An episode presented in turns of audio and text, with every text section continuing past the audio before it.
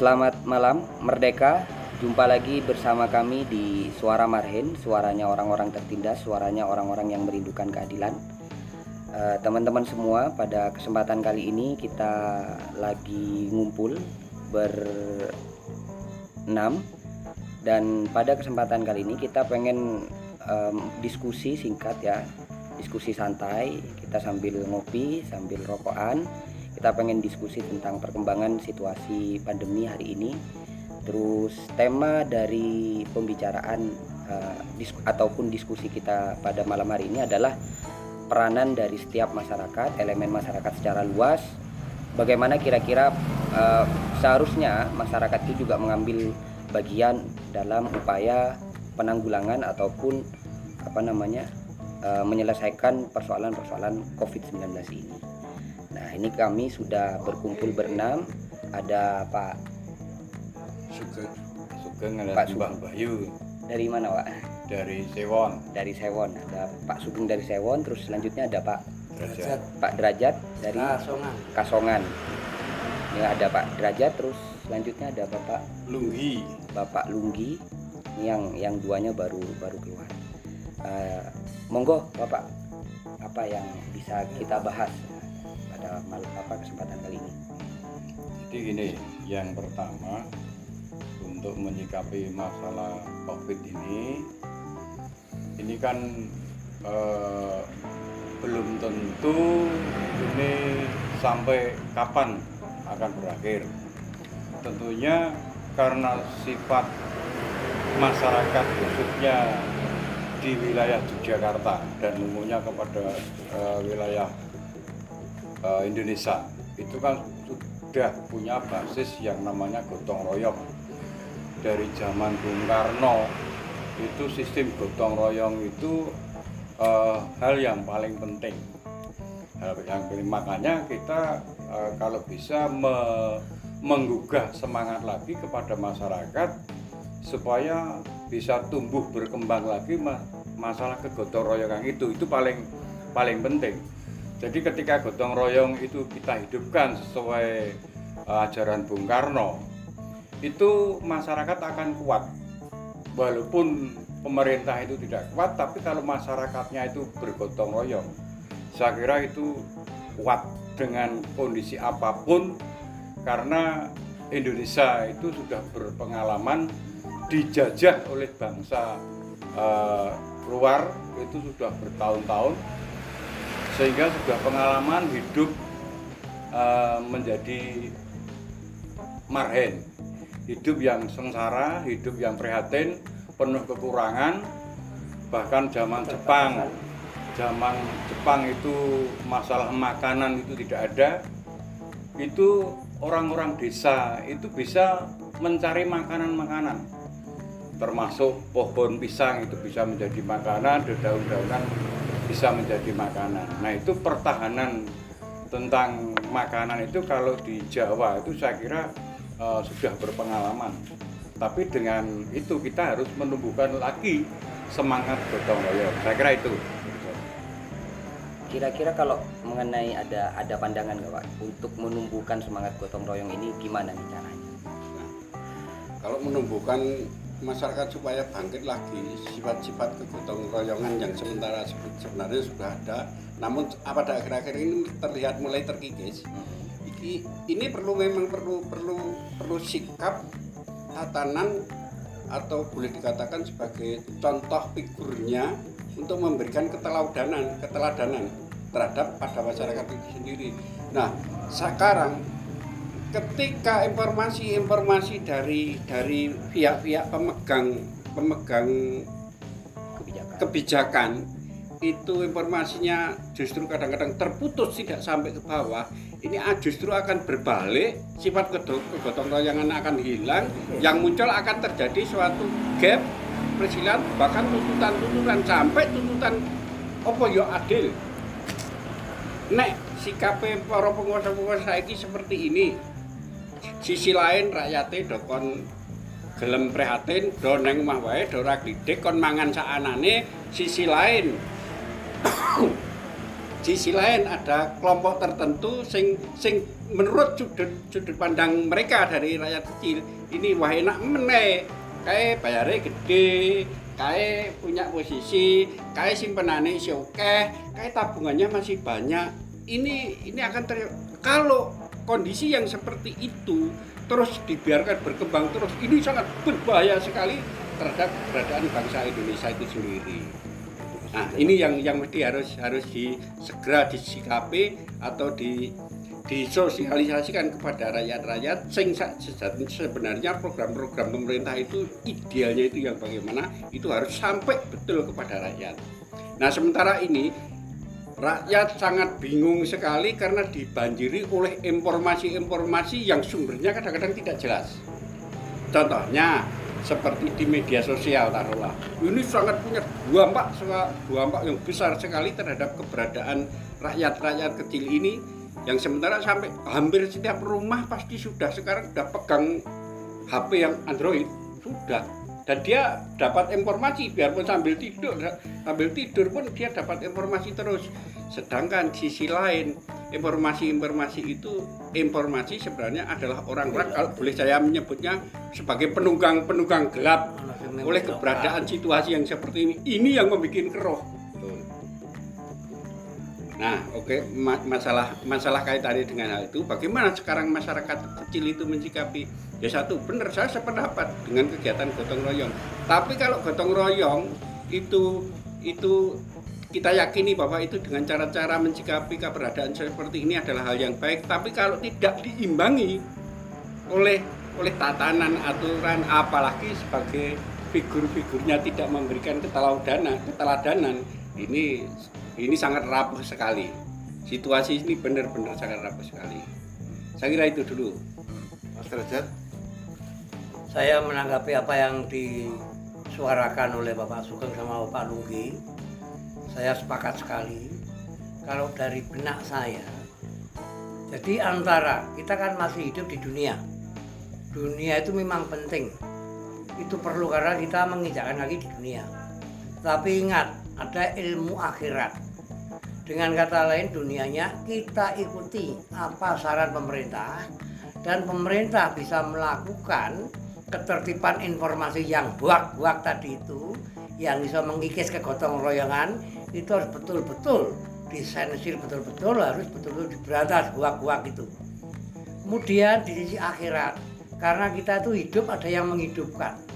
Sehingga kalau masalah dunia kita pikir 50% akhirat kita pikir 50% akhirnya pasti akan konklusif.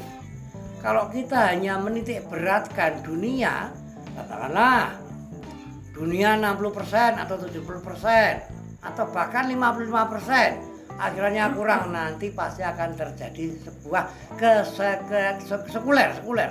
Akan terjadi sekuler ketidakseimbangan. Lah makanya biar imbang kita ikuti apa saran-saran pemerintah aturannya termasuk bla bla bla bla cuci tangan anu anu anu anu ada ADP jaga jarak macam-macam yang kita dengar itu itu amin. Itu dunianya. Akhiratnya seringlah. Meskipun tidak setara berkelompok artinya di rumah masing-masing tapi mbok ya seruan seruan kegiatan ibadah apa pun agamanya itu harus ditingkatkan lagi. Karena ini harus betul-betul simetris antara dunia. Kita masih berbicara di dunia kita ikuti saran pemerintah akhirnya akhirat kita karena hidup ada yang menghidupkan ada yang menghidupi. Itu ibadah dengan cara keyakinan atau agama masing-masing. Amin. Insya Allah akan selamat. Apa namanya? Kalau eh, melihat ya melihat situasi eh, masyarakat Indonesia secara keseluruhan. Tadi sudah banyak dibahas mengenai eh, lunturnya semangat ataupun tradisi gotong royong yang yang sudah pudar. Nah kalau menurut bapaknya semuanya bisa berpendapat kira-kira apa faktornya menurut Bapak? Sebelum nanti bisa artinya pembahasan kita bisa runut eh, bisa sampai kepada kira-kira gimana solusinya untuk menge- mengembalikan eh, gotong royong itu. Kalau gotong royong saya yakin sudah otomatis itu kodrat dari bangsa Indonesia. Seperti tadi diterangkan sama Pak Sugeng atau Pak Lugi, sudah punya pengalaman kita dijajah. Nah sekarang yang menjajah kan virus corona kebetulan yang saat sekarang ini. Kita sudah biasa menderita sehingga gotong royong mengenal bangkit. Nah biar sifat kegotong royongan itu tidak terkikis, tolong buak-buak tadi itu informasi yang nggak betul itu itu tolong harus betul-betul diberantas sampai ke akar-akarnya karena itu akan menggoyahkan lapisan-lapisan yang ada di bawah sehingga bisa kurang untungnya. Kurang untungnya bisa menyurutkan karakter gotong royong. Gara-gara informasi yang nggak benar itu. Ada pengaruhnya sama sistem yang hari ini yang kemudian ini menjadi juga ikut andil dalam mengkikis budaya gotong royong itu sendiri? Sistem kita hari ini kayak itu tuh Pak. Apakah ada pengaruhnya Atau maksudnya sistem pemerintah atau sistem sistem pemerintah hari ini yang tidak sudah tidak apa tidak sesuai bahkan melenceng dari apa, yang kemudian dicita-citakan oleh apa para pendahulu kita. Ya. Jadi gini mas. Kalau pemerintahan sekarang terutama Pak Jokowi itu bagus. Itu akan mengembalikan se- seharusnya akan mengembalikan eh, masalah ajaran-ajaran yang sudah eh, nenek moyang diajarkan dari eh, pendahulu. Jadi makanya Indonesia dulu sangat berjaya ketika Majapahit. Majapahit itu sangat berjaya. Itu karena sifat kegotong royongan eh, dari instruksi dari raja kepada kawulo itu saiyek saiko kapi kapti. Tapi perjalanan perjalanan eh, Indonesia sudah beberapa kali periode menjadi presiden itu kan ada uh, campur tangan dari sistem kapitalis.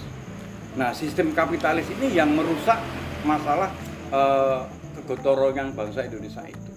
Nah, ini Jo- Jokowi sangat berat sekali untuk me- mengulang dandani atau memperbaiki lagi. Nah, ini makanya uh, ini uh, pemerintahan sekarang ini sangat berat menghadapi uh, seperti ini. Belum lagi berbicara masalah eh, lawan-lawan politik, lawan-lawan politik pemerintahan sekarang.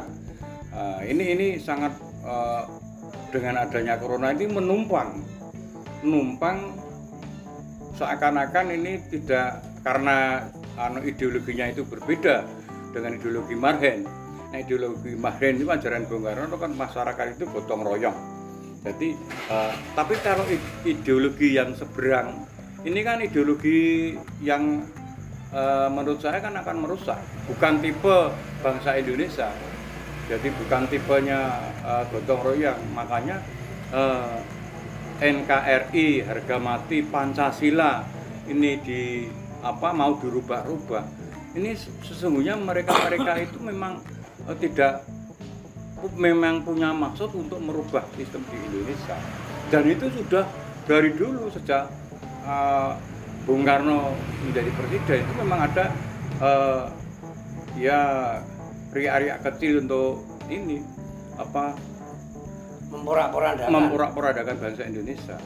Padahal dari kultur bangsa Indonesia dari kerajaan Majapahit sampai eh, kerajaan Mataram Islam itu budaya gotong royong itu ada. Makanya tadi Pak Derajat ini sudah kodrat kodrat alami ketika terjadi bencana itu otomatis rasa gotong royong itu tumbuh lagi.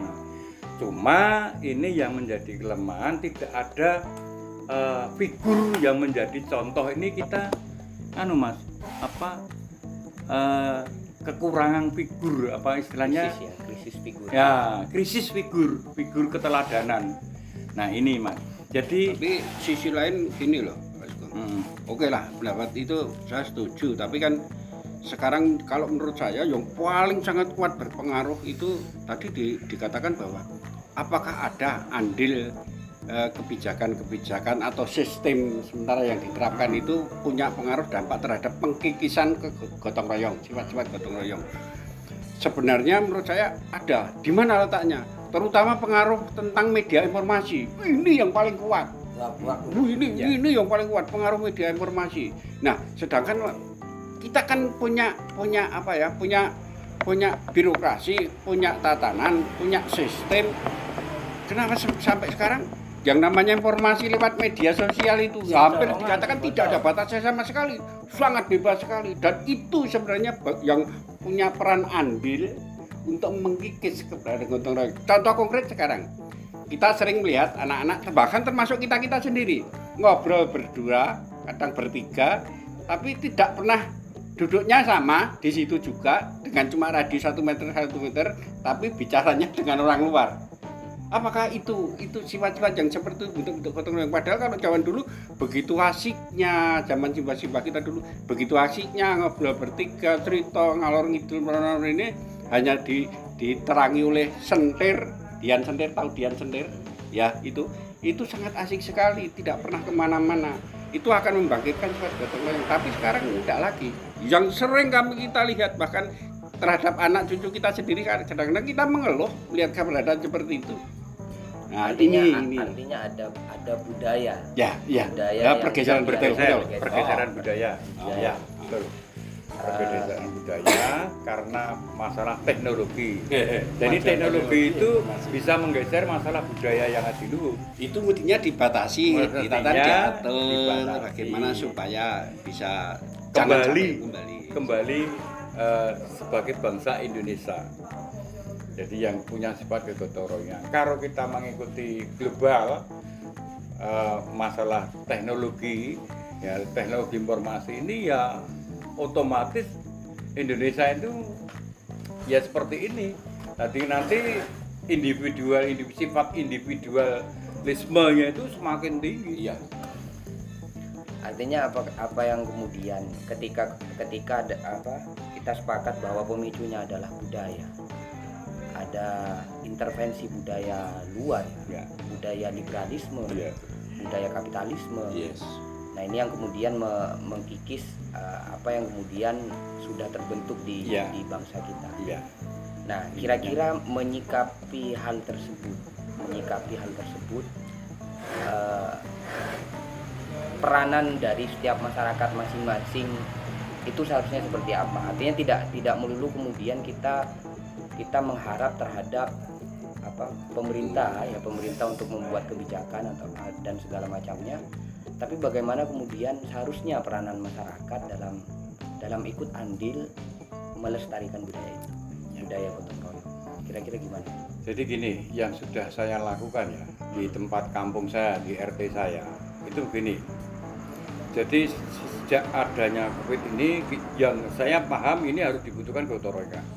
Sehingga eh, dari eh, semua masyarakat di RT saya, saya ngomong sama Pak RT, Pak RT semua yang punya HP dimasukkan ke grup.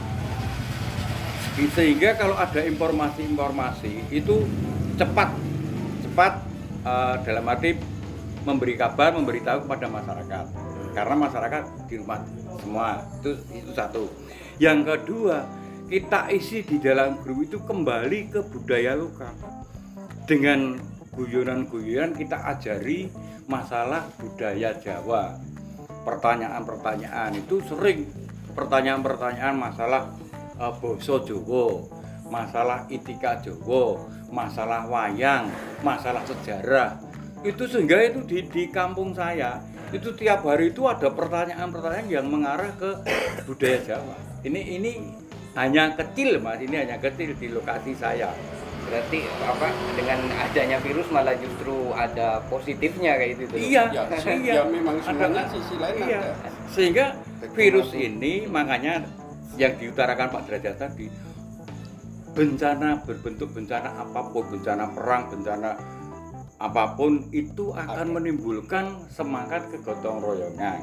Cuma ini harus ada yang menjadi figur di lokal-lokal itu yang memberikan pencerahan. Pencerahan babakan agama termasuk Pak Derajat tadi. Kita itu hidup di dunia dan butuh kita itu nanti hidup di akhirat. Ini penting supaya ngedemke eh, apa keresahan-keresahan yang ada di masyarakat. Biar konklusif. Ya ya kondusif gitu. Jadi kita alihkan pembicaraan itu.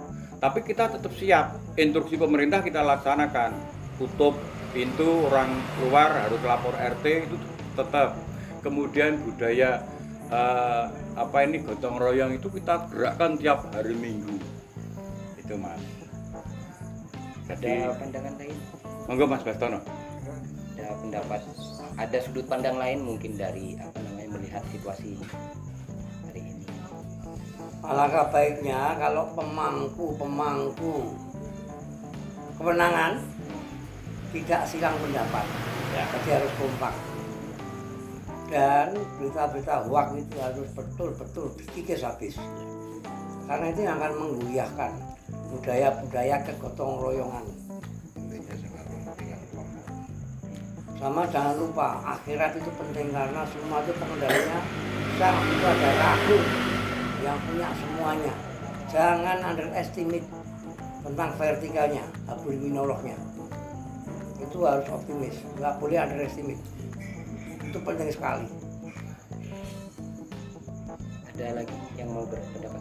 Ya, kemudian itu tadi. Jadi kita men- mengembangkan sifat kegotong royong, dikembalikan, eh, diajari masalah budaya-budaya zaman dulu. Itu kan budaya bagus. Kemudian kita eh, harus bisa ini jangan sampai di dalam masyarakat itu menimbulkan gesekan antar agama. Itu kita pantang di situ. Jadi makanya seperti Mas Kaiser ngomong baru saja ini itu penting sekali. Jadi di, di kalau bisa RT RT itu menyembadani dan tokoh masyarakat kalau tidak dibantu oleh tokoh masyarakat itu kita RT itu tidak jalan. Bukuh pun tidak jalan. Kalau tidak dibantu oleh eh, aktivis-aktivis kampung ini penting sekali. Nah makanya sering diskusi-diskusi piye carane supaya kalau perlu kita apa ya dibuat happy happy tapi waspada itu penting Iya, kalau kabar yang terakhir itu kan banyak banyak di beberapa daerah kemudian menolak apa namanya eh, jenazah Ya. COVID. Nah itu ya kira-kira gimana itu pandangannya Pak? wah itu nggak bener itu sebenarnya juga karena informasi informasi ke masyarakat yang mana itu sudah diberitakan oleh Menteri Kesehatan waktu itu itu tidak sampai ke bawah. Dan masyarakat itu dengan kata corona itu sudah trauma. Karena berita-berita tadi yang yang yang simpang siur tidak tidak ada kejelasan. Artinya tidak ada tidak ada apa namanya eh, Sosialisasi. sosialisasi ataupun pendidikan apa penyampaian pendidikan informasi yang inklusif terhadap masyarakat Betul. selama ini. betul betul jadi informasi yang benar dari eh, khususnya kalau kan dari kesehatan itu belum bisa diterima langsung ini masyarakat yang diterima masyarakat itu pada umumnya yaitu berita eh, hoaxnya atau berita yang meden-medeni ya berita-berita yang medeni ini yang membuat resah masyarakat. Nah makanya harus ada pencerahan-pencerahan dari tokoh-tokoh lokal. Nah nanti syukur nanti kalau berkembang ke tingkat yang lebih atas. Tapi persoalan penolakan penolakan warga kaitannya dengan korban-korban korban-korban corona ini itu juga saya melihatnya pada akhir-akhir ini sudah mulai mulai mulai terkikis. Mulai. Masalahnya apa? Kenapa awal-awal dulu kok muncul penolakan-penolakan itu? Masalahnya informasi nggak pernah sampai. enggak merasa Kalau mayat sebenarnya mayat mau dikubur itu sudah melalui proses eh, eh, standarisasi ah, Dan, eh, standar operasional Mas dulu nek wong duwe leloro Ya. yang menular itu sudah dibeginian beginian itu terlambat pada waktu itu belum belum ada sedangkan yang sudah masuk lebih dulu tentang ini menular ini menular menular. Akhirnya terjadi penolakan.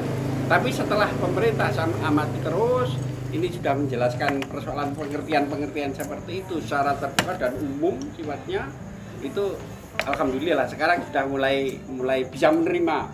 Bahkan semua terlibat penjelasan itu. Baik itu pemerintah baik itu tokoh masyarakat baik itu para ulama baik itu para kiai semua hampir semua dari dari mereka-mereka yang sekiranya punya punya pengaruh terhadap masyarakat sini ini berperan aktif. Di situlah letak sebagai contoh kalau gotong royong itu terjadi kekompakan itu terjadi. Itu itu adalah suatu hal yang yang contoh konkret ketika eh, informasi-informasi sebenarnya bagus tapi terhambat terpotong atau mungkin tertunda atau mungkin belum terpikirkan karena pada waktu itu yang jujur aja kami juga menyadari bahwa dari kejadian sekarang ini adalah ah, mana sih yang dikatakan negaranya siap betul menghadapi ap- apa namanya? Corona. corona ini? Ini yang ya, peng- pengalamannya aja belum pernah ada. Kejadian seperti nggak ada. Kami juga bisa memaklumi. Tapi alhamdulillah di daerah di, di Indonesia utamanya sudah terlangsung dikejar tututi dengan penjelasan kaget sekarang sudah mulai. Tapi apa namanya perkembangan uh, orang yang kemudian terjangkit ini terus meningkat tiap harinya pak. Iya iya. Jelas itu kan sebenarnya kan itu kan yang terdeteksi, terdeteksi sekarang. Itu kan akibat dari dari berbagai kejadian kelalaian-kelalaian kemarin nampaknya munculnya adalah sekarang. Itu ya mudah-mudahan mulai sekarang sudah mulai bangkit semua sehingga nanti justru akan menurun. Pasti akan ada titik titik titik apa ya titik puncaknya itu pasti ada. Setelah itu pasti akan turun itu menurut keyakinan saya. Kembali kepada persoalan awal yang kita diskusi kita mem- membicarakan berbasic pada tentang budaya tentang tentang apa ya kerangka Kearifan lokal. kehidupan itu. Kearifan lokal. nah ini ini sangat sangat berperan sekali ya untuk kalau pandangannya bapak sekalian terkait pemerintahan di DIY kesiapannya untuk menangani COVID-19 ini gimana? lumayan lumayan bagus. Lumayan bagus. Apa pun saya menilai tetap lumayan bagus masalahnya saya melihat bahkan sekarang hampir di tiap-tiap RT itu semua generasi mudanya kompak sekali melakukan satu konkret tindakan yang gampang dilihat sering kita melihat dari baik dari cara lokal maupun cara media itu melakukan bentuk-bentuk penyemprotan itu sudah. Wih itu hampir sampai tingkat RT itu semua ada. Apalagi saya mendengar informasi tentang bagaimana mensikapi keberadaan saudara-saudara kita tetangga kita yang tidak mampu terus akhirnya di, di kita kita apa akom, ako- eh, kita kita himpun kekuatan-kekuatan itu supaya semua tetap bisa makan. Sangat bagus sekali. Dan itu saya pikir belum pernah aku terdengar itu di luar Jogja. Aku Jogja sudah ada. Bahkan sejak awal saya dengar dari dimulai dari bangun tapan saya sudah dengar itu. Bahkan jujur aja kami dalam media sosial pun nggak kami share itu. Karena itu adalah contoh-contoh yang bagus mesti harus kita sosialisasikan biar nanti diikuti oleh masyarakat-masyarakat yang lain saya kira itu Ada tambahan lagi? Oke. Saya sepakat dengan apa yang diutarakan Bapak Lugi. Di wilayah pun sama. Ada pembagian bla bla bla bla bla. Ada pembagian beras, ada pembagian minyak, ada pembagian super mie, ada pembagian telur. Bantuan-bantuan itu ada. Dan penyemprotan itu juga ada. Sampai tingkat RT. Sudah cukup banyak, sudah cukup baik. Orang yang punya pemangku-pemangku kewenangan lah di lapis paling bawah RT itu sudah cukup bagus sekali melayani masyarakat karena seruan dari pemerintah. tapi Tetapi ini untuk menyikapi tadi soal kok tidak menerima mayat orang yang meninggal karena penyakit corona COVID-19. Ini sangat tidak manusiawi. Sangat-sangat tidak manusiawi. Ini dunianya terbalik. Nanti saya urai. Kita semua kan pernah toh, piara ayam atau punya tetangga yang piara ayam. Ayam kecil itu ngomong sama induknya. Mbok, enak ya jadi manusia. Begitu lahir ada namanya. Ada yang namanya Bastono, ada namanya Pak Heri, ada Pak Lugi, Pak Sugeng, Pak Derajat. Kalau kita nggak ada namanya. Tapi justru setelah meninggal banyak namanya. Nah, banyak namanya. Dan tempatnya pun mewah.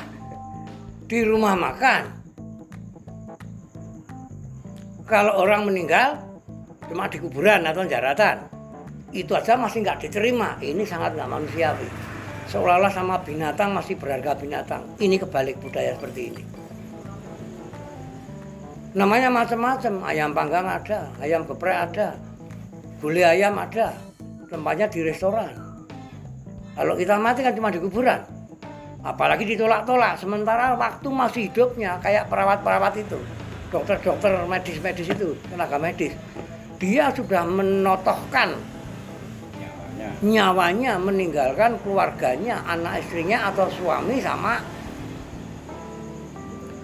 anak-anaknya. Bagi yang perempuan perawat perempuan, bagi yang perawat laki-laki atau dokter meninggalkan istri dan anak-anaknya. Setelah meninggal ditolak-tolak. Ini sangat tidak manusiawi.